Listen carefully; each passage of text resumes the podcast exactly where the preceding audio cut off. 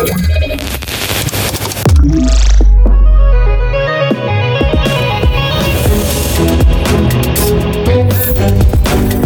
dobry, Fundacja Bezpieczna Cyberprzestrzeń, podcast Cyber Cyber, odcinek 166. Kontynuujemy naszą serię Ukraina ACK, analiza cyberkonfliktu. E, ze mną jest Piotr Kępski, cześć. Cześć, witajcie wszyscy. Przy mikrofonie Kamil Gapiński i nasze tematy są dzisiaj następujące. Krótka aktualizacja odnośnie grup APT zaangażowanych w cyberkonflikt. Ataki typu DDoS na Gazprom. Prezydent USA wydaje rekomendacje dla przedsiębiorstw w związku z cyberwojną. Wydaje specjalny komunikat. Wyciek danych z tzw. Tak Republiki Krymu. Sprawka Anonymous były szef Agencji Cyberbezpieczeństwa USA o tym, dlaczego nie obserwujemy spektakularnych ataków e, z Federacji Rosyjskiej. Włamanie anonimowych do e, kilku e, rosyjskich instytucji oraz do miasta Grodno. W przededniu wojny hakerzy powiązani z GRU zaatakowali 21 producentów gazu naturalnego w Stanach Zjednoczonych ultimatum Anonymous do firm, które nie wycofały się z Rosji oraz start drugiej edycji Ligi Cyber Twierdza. Ruszamy zatem y, z pierwszym naszym tematem. Tak jak mówiłem, jest to aktualizacja dotycząca grup y, APT zaangażowanych w konflikty. Jest taka strona na platformie Medium, nazywa się e, CyberKnow i tutaj um, autor tej strony co jakiś czas aktualizuje swojego Excela, swój arkusz z grupami zaangażowanymi zarówno po stronie rosyjskiej, jak i ukraińskiej, które się angażują w jakiś sposób w konflikt. Um, dzieli je na, e, na anonimusów i grupy związane z anonimusami, na grupy powiązane z, e, e, z poziomem krajowym, tak, tak zwani nation state actors. A, no i naj, najważniejszy podział to oczywiście Rosja-Ukraina i na dzień dzisiejszy e, autorowi wychodzi, że 51 grup mm, w jakimś zakresie popiera, działa na rzecz Ukrainy w cyberprzestrzeni, a 25 grup działa na rzecz e, Rosji. Tutaj mamy pewną zmianę, gdyż e, w zeszłym tygodniu, a raczej 10 dni temu, 12 marca, tylko 15 grup działało po stronie rosyjskiej. Możemy sobie przejrzeć, jakie są to grupy. E, z tych rosyjskich przede wszystkim no, mamy grupy e, już znane w tej w cyberprzestrzeni od wielu lat, typu Sandworm, Ghostwriter, um, owszem, również Conti Ransomware, czy um, Hydra, czy Red Bandits RU. Więc są to e, grupy, które gdzieś tam już wcześniej um, się pojawiały. Oczywiście w kontekście grup proukraińskich przede wszystkim tutaj dominują grupy jakoś tam powiązane z Anonymous. Trzeba też podkreślić, że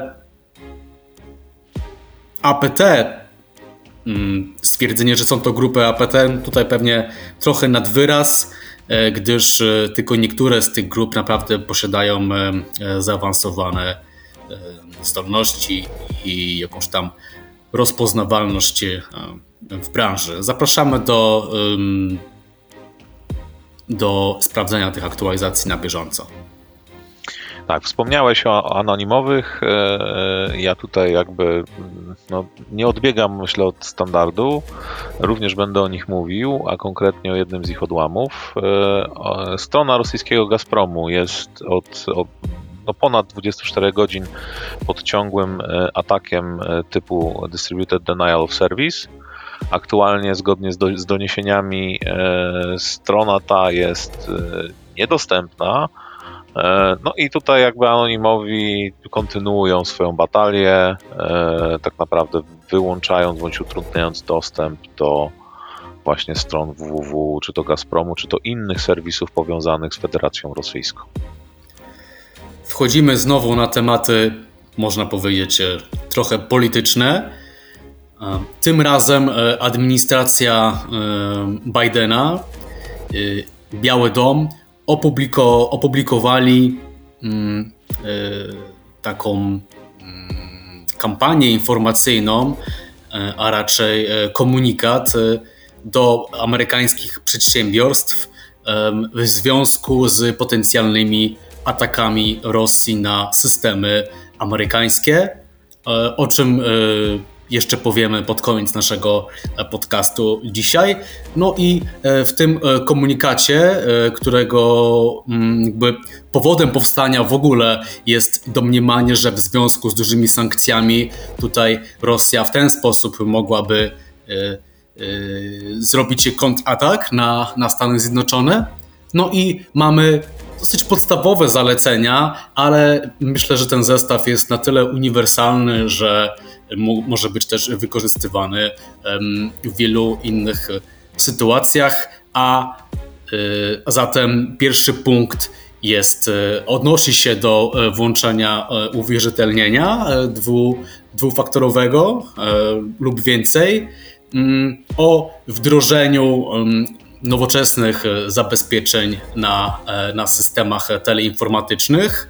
E, następnie sprawdzenie jakości tych zabezpieczeń, sprawdzenie, czy nie mamy podatności. Tutaj nawiązanie kontaktu z tak zwanymi Cyber Security Professionals, czyli po prostu jakiś audyt, skanowanie podatności, pentesty może to jest jakby kolejny e, tutaj mm, punkt. E, następny punkt, e, mm, nikogo pewnie nie dziwi, posiadanie backupu w trybie offline, tak? czyli takiego prawdziwego backupu, do którego raczej cyberprzestępcy się nie powinni dostać. E, jak, na, jak przystało na Amerykanów, e, bardzo wysoko w tym zestawieniu są także ćwiczenia, tak zwane drille. No i tutaj również e, takie ćwiczenia powinny zostać wykonane w kontekście sprawdzenia swoich procedur, w kontekście sprawdzenia zabezpieczeń i procesów cyberbezpieczeństwa w organizacji. Następnie jest mowa o zabezpieczeniach kryptograficznych danych. Oczywiście to jest również bardzo istotne a następnie między innymi mm, kampanie uświadamiające oraz y, zaangażowanie takie proaktywne, komunikowanie się, wymiana informacji z y, lokalnymi tutaj oddziałami e, FBI czy e, biurami e, CISA w Stanach Zjednoczonych. Zachęcamy do sprawdzenia całego komunikatu. Co jakiś czas Biały Dom tak takie publikuje. Mm, wymieniliśmy tylko kilka najważniejszych e, zaleceń, dość generycznych, natomiast e, nie przeszkodzi to. Tak naprawdę wszystkie te zalecenia są dość istotne i warto je wdrażać. Tak, przechodzimy e, do kolejnego newsa. Tutaj na Twitterze znowu anonimowi informują o tym, iż bazy danych e, Republiki Krymskiej e, zostały upublicznione, przy czym tutaj w ramach Twittera mamy zarówno linki do poszczególnych plików i serwisów, jak i e, jakieś screenshoty. E, żeby było śmieszniej, e, Eksperci cyberbezpieczeństwa, którzy pochylali się nad tym zagadnieniem, twierdzą, że, a konkretnie jeden z ekspertów twierdzi, iż e, no, nie są to jakieś dane, które byłyby specjalnie chronione, są to serwisy publicznie dostępne. E, tutaj e, przywoływany jest na przykład jeden z dokumentów, który nosi tytuł On Approval of the Program Clean City for 2010-2015. So wygląda na to, że e, no, nie jest to być może faktycznie jakiś, jak, jakieś upublicznienie chronionych danych. No, sytuacja się, że tak powiem, powtarza z, sprzed kilku dni. Też mówiliśmy o tym, o fałszywym wycieku danych z Kasperskiego. No, tutaj warte jest podkreślenia, iż inicjatywa Anonymous to nie tylko mm, doświadczeni hakerzy, ale również aktywiści, czy też e, ludzie, którzy chcieli po prostu w jakiś sposób e, wspomóc Ukrainę i dołączyli do szeregów anonimowych. I jakość tych informacji może być różna, tudzież e, też apelujemy o to, byście nie wierzyli na pierwszy rzut oka w każdy news, który gdzieś tam wyszperacie na Twitterze. Warto jest zweryfikować go w kilku miejscach tak by uniknąć dezinformacji. No tutaj w przypadku tego newsa e, być może mamy do, do czynienia z jakimś wyciekiem, aczkolwiek eksperci twierdzą, że to wyciek nie do końca jest. Zdecydowanie e, w każdym naszym tutaj odcinku próbujemy przedstawiać Wam jakieś e, incydenty, jakieś akcje związane z aktywizmem. Y, przenosimy się znowu do Stanów Zjednoczonych i chcielibyśmy Was zachęcić do zapoznania się z ciekawym artykułem w Financial Times, e, którego e, autorem jest znany wszystkim chyba ekspertom cyberbezpieczeństwa Chris Krebs, znany z bloga Krebs on Security, były szef Agencji Cyberbezpieczeństwa USA.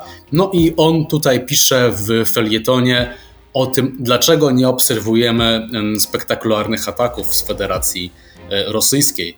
No i e, nie będziemy się oczywiście skupiać, czy czy jakby streszczać całego artykułu, interesujące są e, następujące myśli e, Krebsa tutaj.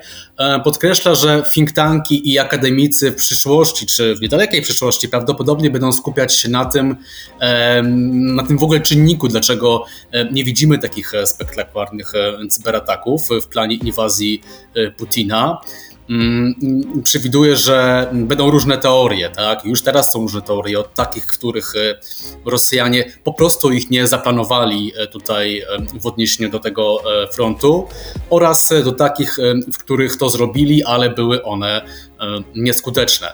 No i tutaj Krebs podaje w zasadzie dwa inne scenariusze, naszym zdaniem interesujące. Pierwszy jest taki, bardzo zresztą e, logiczny wydaje się.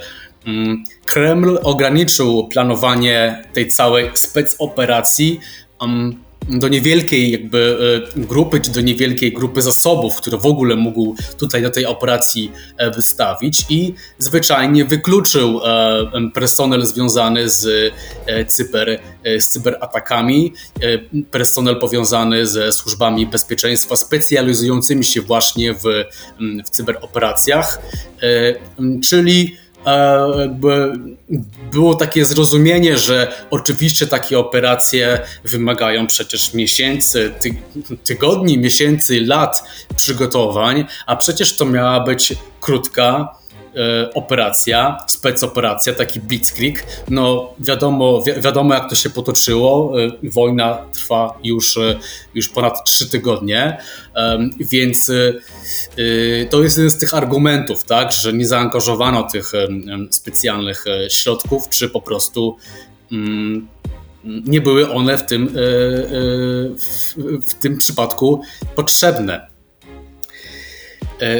tak naprawdę jest y, powiązane z tym drugi y, scenariusz, scenariusz że y, Moskwa y, chciała, nie chciała tak naprawdę atakować tych usług, ponieważ przyjęła, że po tych dwóch, czterech dniach najważniejsza infrastruktura tak, tak naprawdę będzie już y, działała dla nich, tak, że e, będą i z tych e, sieci korzystać na własny użytek. No więc na ten czas nie było potrzeby uruchamiania tych swoich mm, specjalnych e, cyber zdolności. Krebs natomiast podkreśla, że wojna się jeszcze e, nie skończyła.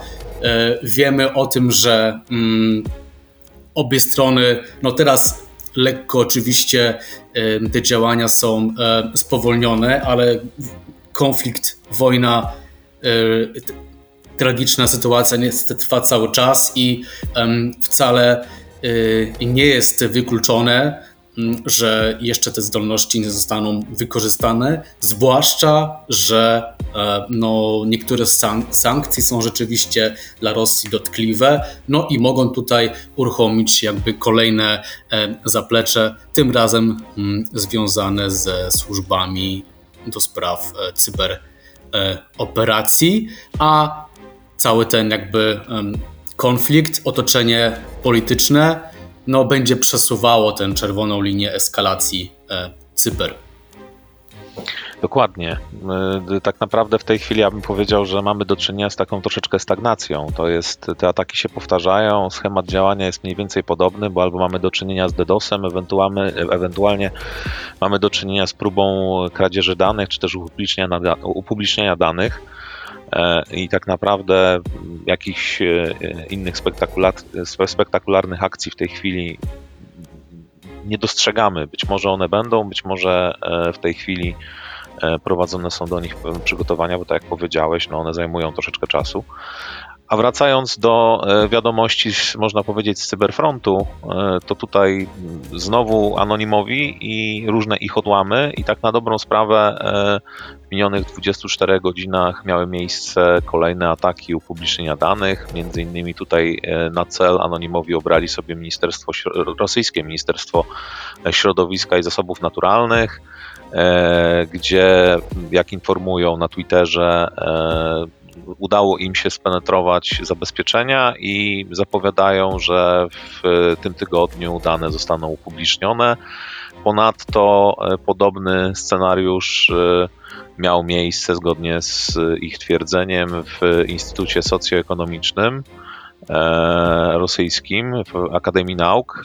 Tutaj też dokonali włamania.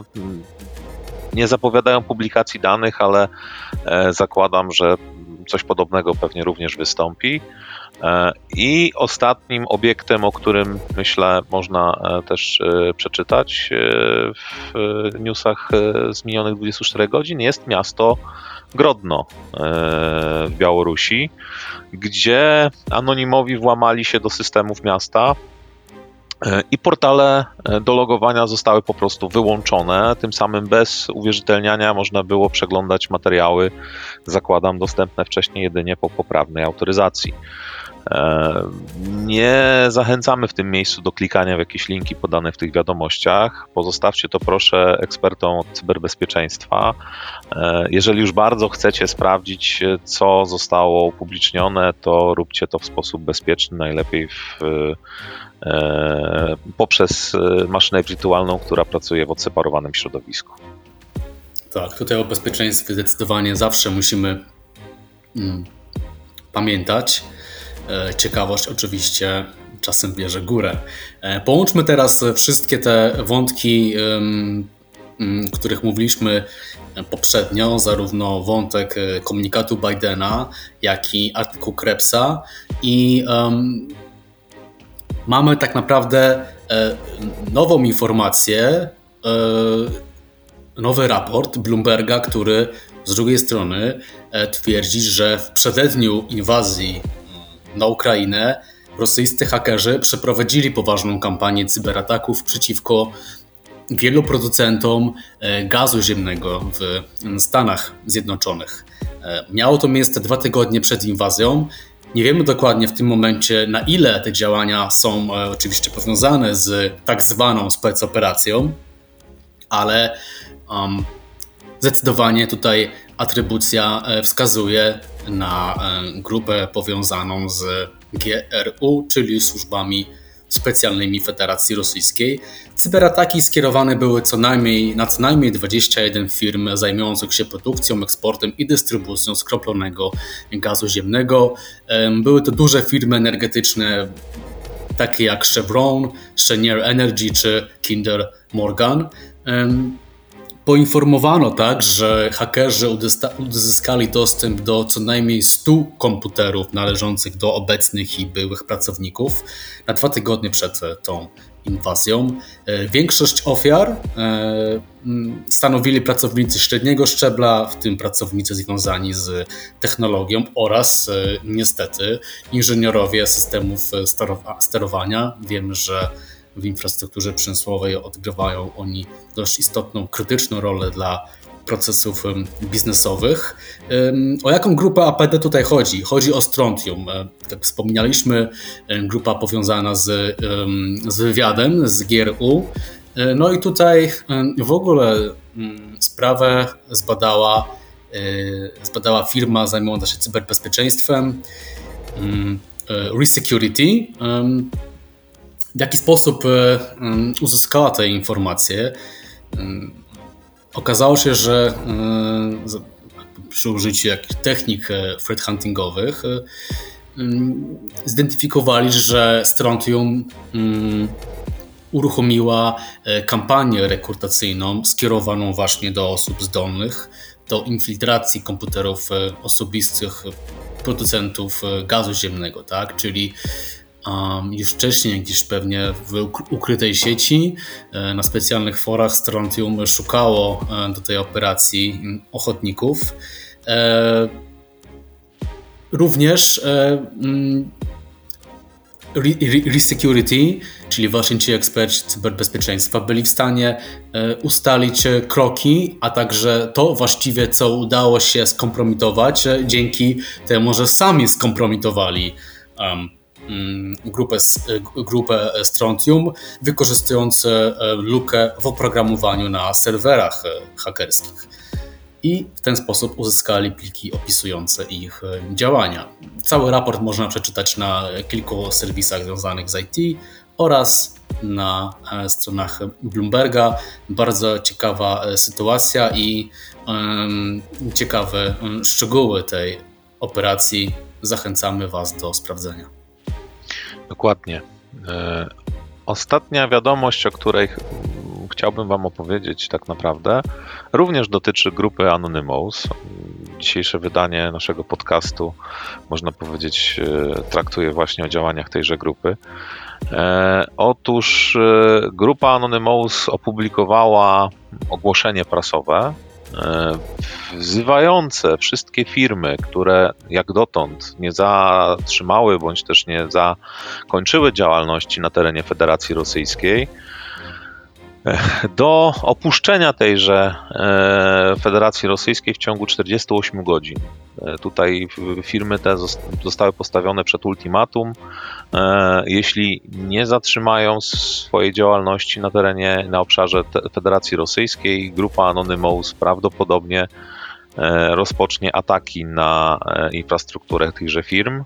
Zresztą wczoraj wspominaliśmy już o pierwszym ukierunkowanym na firmę Nestle, która tutaj znajduje się pośród tych, które nie opuściły e, Federacji Rosyjskiej, e, ale nie jest to jedyna firma tutaj w swoim ogłoszeniu anonimowi prezentują loga kilkunastu wybranych firm, wśród nich m.in.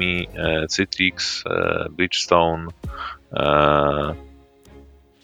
Cloudflare, Subway, Burger King i inne oczywiście. Czy te firmy mają się obawiać? Przyznam szczerze, nie wiemy, natomiast e, jeżeli słuchają nas pracownicy pionów cyberbezpieczeństwa e, z firm, które prowadzą działalność dalej na terenie Federacji Rosyjskiej, zalecamy monitorowanie i śledzenie swoich systemów cyberbezpieczeństwa, ponieważ, tak jak wspominaliśmy, aktywiści związani z grupą Anonymous no, są dosyć mocno aktywni w ostatnim czasie. Fundacja również e, w ostatnim czasie jest bardzo aktywna. No i to prawda. I, tak, i chcielibyśmy Wam przypomnieć, że właściwie to już chyba Piotrek ostatni dzwonek, prawda, jeżeli chodzi o cybertwierdzę? Tak, znaczy troszeczkę jakby dementując to, co powiedziałeś, przepraszam, pozwolę sobie na zdanie troszeczkę przeciwne. To jest może jeden z ostatnich dzwonków, dlatego że dziś e, w godzinach wieczornych faktycznie inaugurujemy i startujemy z drugim sezonem Ligi Cybertwierdzy. E, jeśli jakiś zespół jeszcze się nie zgłosił, to zachęcamy bardzo do tego, aby taką akcję wykonał. Ja wczoraj mówiłem o ponad 25 zespołach, dziś ta liczba jest już mocno nieaktualna. Zgadnij, Kamilu, ile tych zespołów może być? Hmm. E, uwierzcie, że nie wiem, bo e, nie mam wszystkich informacji, więc to będzie prawdziwe zgadywanie. 34. No nie trafiłeś i to mocno w dół, ponieważ jest ponad 43 zespoły w tej chwili zarejestrowane w e, lidze. Mamy nadzieję, że będzie ich jeszcze więcej dzięki Wam, naszym słuchaczom. E, jeśli gdzieś tam jeszcze istnieje jakiś zespół, czy też grupa ludzi, czy też e, pasjonaci cyberbezpieczeństwa, którzy chcieliby do nas dołączyć, to zapraszamy. Do godziny 18 w dniu dzisiejszym można rejestrować swoje zespoły. Nie można niestety grać solo, zgodnie z regulaminem, ale jeżeli jest przynajmniej dwie osoby, to już możemy mówić o zespole, więc zapraszamy. Takie dwójki też. A dlaczego mówiłem, że to nie jest ostatni dzwonek? Ponieważ tak naprawdę możecie dołączyć z zespołem również na późniejszym etapie. Niestety wtedy spadają szanse na wygranie całej klasyfikacji i zdobycie głównych nagród, no, po, no po, ponieważ jeżeli zespół dołączy już po pierwszej rozgrywce, nie będzie miał możliwości nadrobienia e, jakichś różnic w punktacji, jeżeli wszystkie inne zespoły będą brały udział i zdobywać będą punkty w kolejnych naszych spotkaniach. E, dlatego tutaj zachęcamy, żeby przed 18 chętni e, zajrzeli na, naszą, na nasze strony. E, mam tutaj na myśli strony Fundacji Bezpieczna Cyberprzestrzeń, na stronę poświęconą samym rozgrywką e, Ligi Cybertwierdzy, gdzie możecie zarejestrować swój zespół i też możecie przeczytać e, i odnaleźć kilka informacji na temat poprzednich rozgrywek, poprzedniego sezonu. Również pod filmem będziecie mieli link do artykułu już no, ponadtygodniowego o właśnie mm, E, rozgrywkach i o finale poprzedniego sezonu. Zachęcamy też do podcastu, chyba to był numer 144, jeśli się nie mylę, e, gdzie podsumowujemy właśnie poprzedni e, sezon ligi. Zapraszamy serdecznie i na dziś to wszystko. Przy mikrofonie Kamil Gapiński i Piotr Kępski. Dzięki. Cześć.